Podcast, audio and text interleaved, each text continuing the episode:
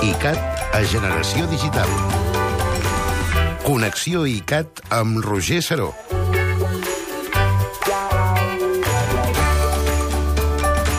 Doncs bona tarda, Roger Saró. Bona tarda a tothom. Oficialment. Sí, sí, ja em dono per saludat. Eh, comencem, com sempre, amb música. There's a place called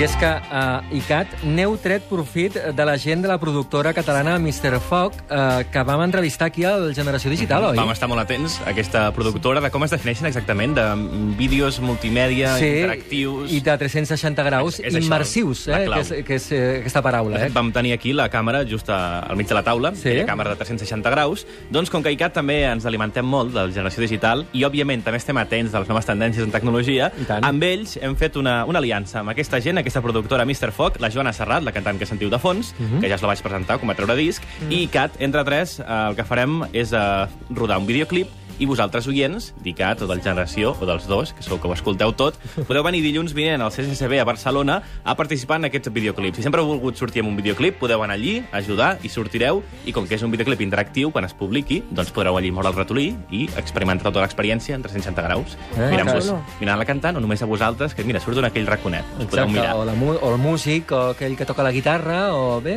tot, tot, tu decidiràs què és el que veus. Mhm. eh? El tema que se'n fa el videoclip és el que sentim de fons, Place Called Home, de l'últim disc de la Joana Serrat, i podeu apuntar-vos a icat.cat, a l'apartat que es diu Experiències ICAT, us apunteu, o us deixeu caure dilluns al CCCB, al pati de les dones, dos quarts de vuit, Mm, us arrisqueu a que no hi hagi lloc, però presenteu-vos-hi. Si no, Sí, aneu a sí. icat.cat a la pàgina i també hi podeu anar, d'acord? Molt bé, això està, està molt bé i estarem molt atents quan aparegui, perquè en parlarem aquí dels resultats, sobretot.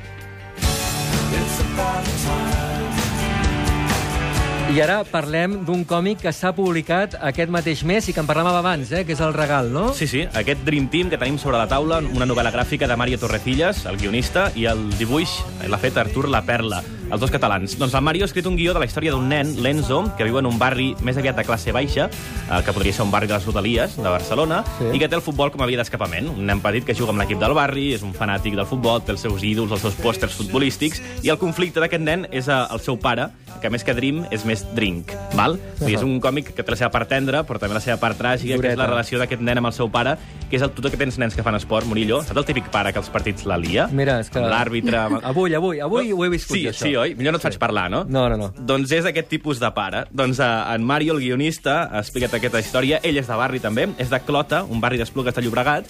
I l'han entrevistat al Cabaret Elèctric aquesta setmana a ICAT i ens ha volgut fer una, una defensa de la vida de barri, la part positiva del que és uh, créixer, néixer i créixer a les rodalies d'una gran ciutat. También en el barrio sale el sol, ¿no? También es que es verdad que también se ha como estigmatizado el mundo del barrio, sobre todo el cine español ha hecho ha hecho muy flaco favor por el mundo del barrio, ¿no? Hace poco se hizo muy famosa una película que se llama Barrio, donde la imagen de todo era como que nadie quería vivir en ese barrio, que era tétrico, pero que la dirigía un señor que se llamaba de Aranoa. Claro, dices, el señor de Aranoa. Decía Artur del color y tal, que era mostrar un poco el lado ese, pues, pues alegre, hemos sido muy felices allí. Aquesta última veu l'heu reconegut? És el dibuixant Juanjo Sáez. Ah, Que ja el coneixeu més. Doncs el. Juanjo Sáez ha fet el pròleg d'aquest còmic que avui regalem, i clar, quan te'l te fa el Juanco, te, també te'l dibuixa, i no és una pàgina, són nou. Bé, és una garantia només d'aquest Dream Team, que és el còmic que regalem avui, de Mario Torrecillas, el que sentim ara mateix, i el dibuixant Artur La Perla. Tenim un altre còmic que s'ha Sí? publicat, bé, s'ha reeditat després de més d'una dècada, que comparteix dibuixant amb aquest Dream Team.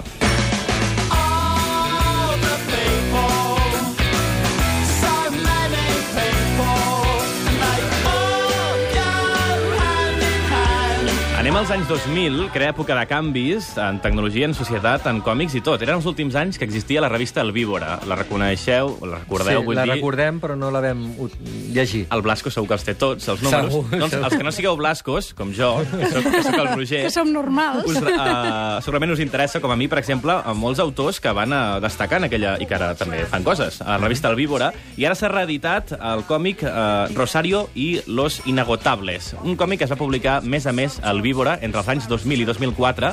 El 2005 el Víbora va desaparèixer. Per tant, estem parlant de al final d'una mena de còmic underground que va viure, va sobreviure als quioscos, encara hi havia moviment, i que va desaparèixer per sempre. Doncs aquesta mateixa setmana, de fet, ahir es va presentar a una llibreria, es va reeditar amb un únic volum íntegre Rosario y los Inagotables, un còmic amb estètica pulp que us agradarà als fans de Tarantino i Cohen, us agraden, no? Sí. Uh, és un còmic de històries curtes, històries corals, molts personatges, amb una ciutat típicament americana, de pel·lícula, eh, benzinera, centre comercial, mm, joves que busquen un lloc a la seva vida, uh, molts personatges sense nom, amb històries que s'entrecreuen. Hi ha Rosario, hi ha l'hermano D, el primo D, la nòvia de l'amigo D, i tots entre ells van barrejant i van creant aquest, uh, aquest panorama més aviat noranter. Aquest uh, segle que moria amb, amb aquest còmic d'estètica, com es dic, tarantinesca. Doncs al programa Els Experts hem entrevistat al guionista, que és el Marcos Prior, i ens ha parlat d'aquest còmic. La història també està ambientat com una població que no... És com Springfield, no? que és una ciutat això, genèrica, però era com la idea de com l'aldea global, no? com una cosa globalitzada que pot ocórrer, bueno, pot succeir a qualsevol lloc. No? Igual. Que a vegades fossin personatges que es creuen que no tenen ni nom, com rotllo Kafka, no? de la ciutat X o la, el Joseph K. I això mm, anaves... Jo crec que la psicologia s'anava sobre la marxa, eh, una miqueta, perquè al començament el que més ens interessava és com un rotllo programàtic de còmic, d'anar fent una mica com els, els creuaments i després ja fent una miqueta els personatges, construint-los. Era molt curiós perquè aquests còmics que ara es reediten, publicats entre el 2000 i el 2004, els personatges, eh, tots sabien que era internet ja. Eren els Sí. primers del 2000 i anaven a ciberbars a fer-lo servir, però cap personatge d'aquest còmic té mòbil. Hi ha un smartphone, no en tenen. tenen, És eh? aquell moment d'impàs, com us dic, d'aquella època que canviava, eh, tant en el món de la tecnologia com en el món dels còmics en si, també. I pots veure aquesta mena de, de petit període, ara reeditat gràcies a l'editorial La Cúpula, aquest còmic que es diu Rosario i- los inagotables. L'entrevista sencera la podeu baixar o de- escoltar en streaming a icat.cat barra els experts. I ara parlem de cinema perquè aquests dies a ICAP.cat heu estat molt atents al Festival de Cinema d'Autor de Barcelona que es va inaugurar ahir mateix, no? Durarà 10 dies.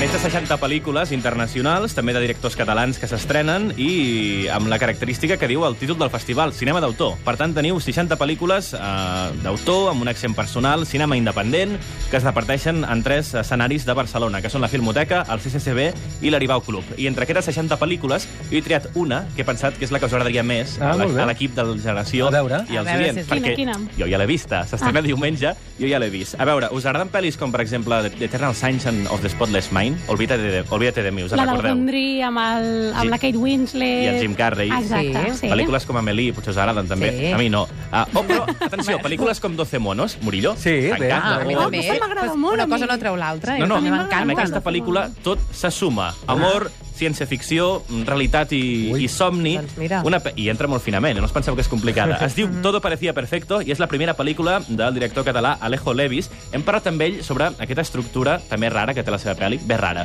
No és la típica història d'amor de noi coneix noia, es barallen, però ai, es reconcilien i es casen.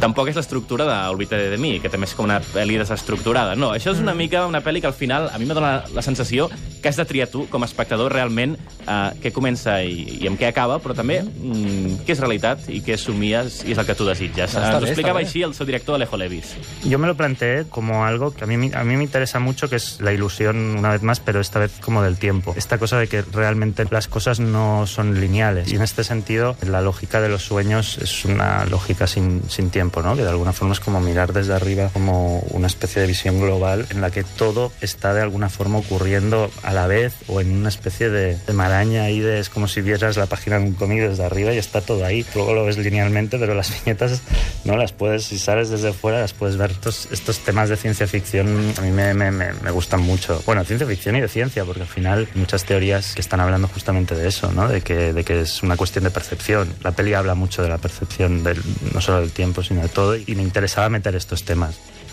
Déu-n'hi-do, això és... Eh, ell és Alejo Levis, eh? Uh -huh. La pel·lícula s'estrena diumenge al Festival de Cinema d'Autor, al Teatre del CCCB, i m'ha agradat molt aquesta comparació que ens ha fet, no? que un còmic, tu estàs llegint, per si te l'apartes, uh, Ja què, és, què és allò? Quin és l'ordre? Si et fas una, una idea de tota la plana, o de totes les pàgines, quasi t'ho pots reordenar tu mateix. Doncs ell, amb la seva pel·lícula, ha fet això. T'has d'anar com acostant i allunyant i acabant eh, fent una mica la, seva, la teva història, que al cap i a la fi és una història d'amor. Són dos actors catalans d'aquí, però la forma és una mica diferent. Una, una pel·li molt... A mi m'ha recordat el Doctor Who, perquè el Doctor Who sempre diu al personatge no, el temps no és lineal, és com una, és, és com una bola. Doncs aquesta pel·li és com una bola, una perla, perfecte. La teva secció mai en parla, senyor Riudevillas. oi? Home, doncs jo el repto a I que em digui alguna cosa. a veure què diu ara.